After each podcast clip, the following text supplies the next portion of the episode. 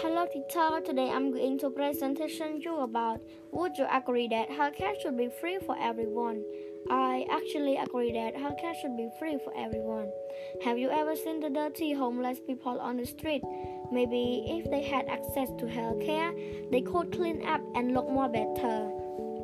Nevertheless, if that homeless person could clean themselves up, they could interview for a job and start a new life. Major reason for this is it would save life in the long run. It costs effective and providing free health care help people gain access to the insurance. Basic health care should be free to everyone because it could save life in the long run. It costs effective and providing free health care help people gain access to insurance. To start off, basic health care should be free for everyone because it could save life.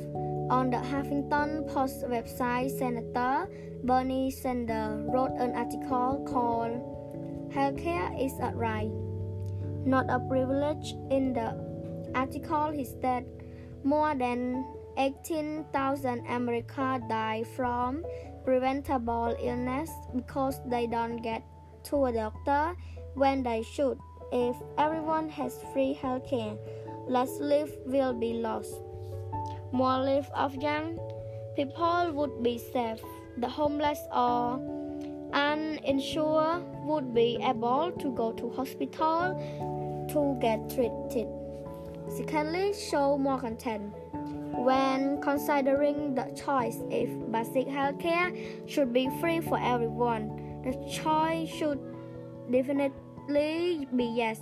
Basic healthcare should be free for everyone because it will save the lives of people who wouldn't ordinarily live. It has been shown by two sources that it will help slow and grow of health costs.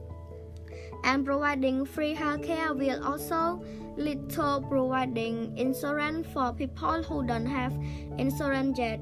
If basic health care does not become free for everyone, our population will drop.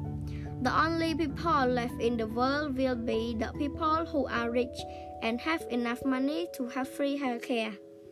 Basic healthcare should be free for everyone because it is the right thing to do and we are helping each other.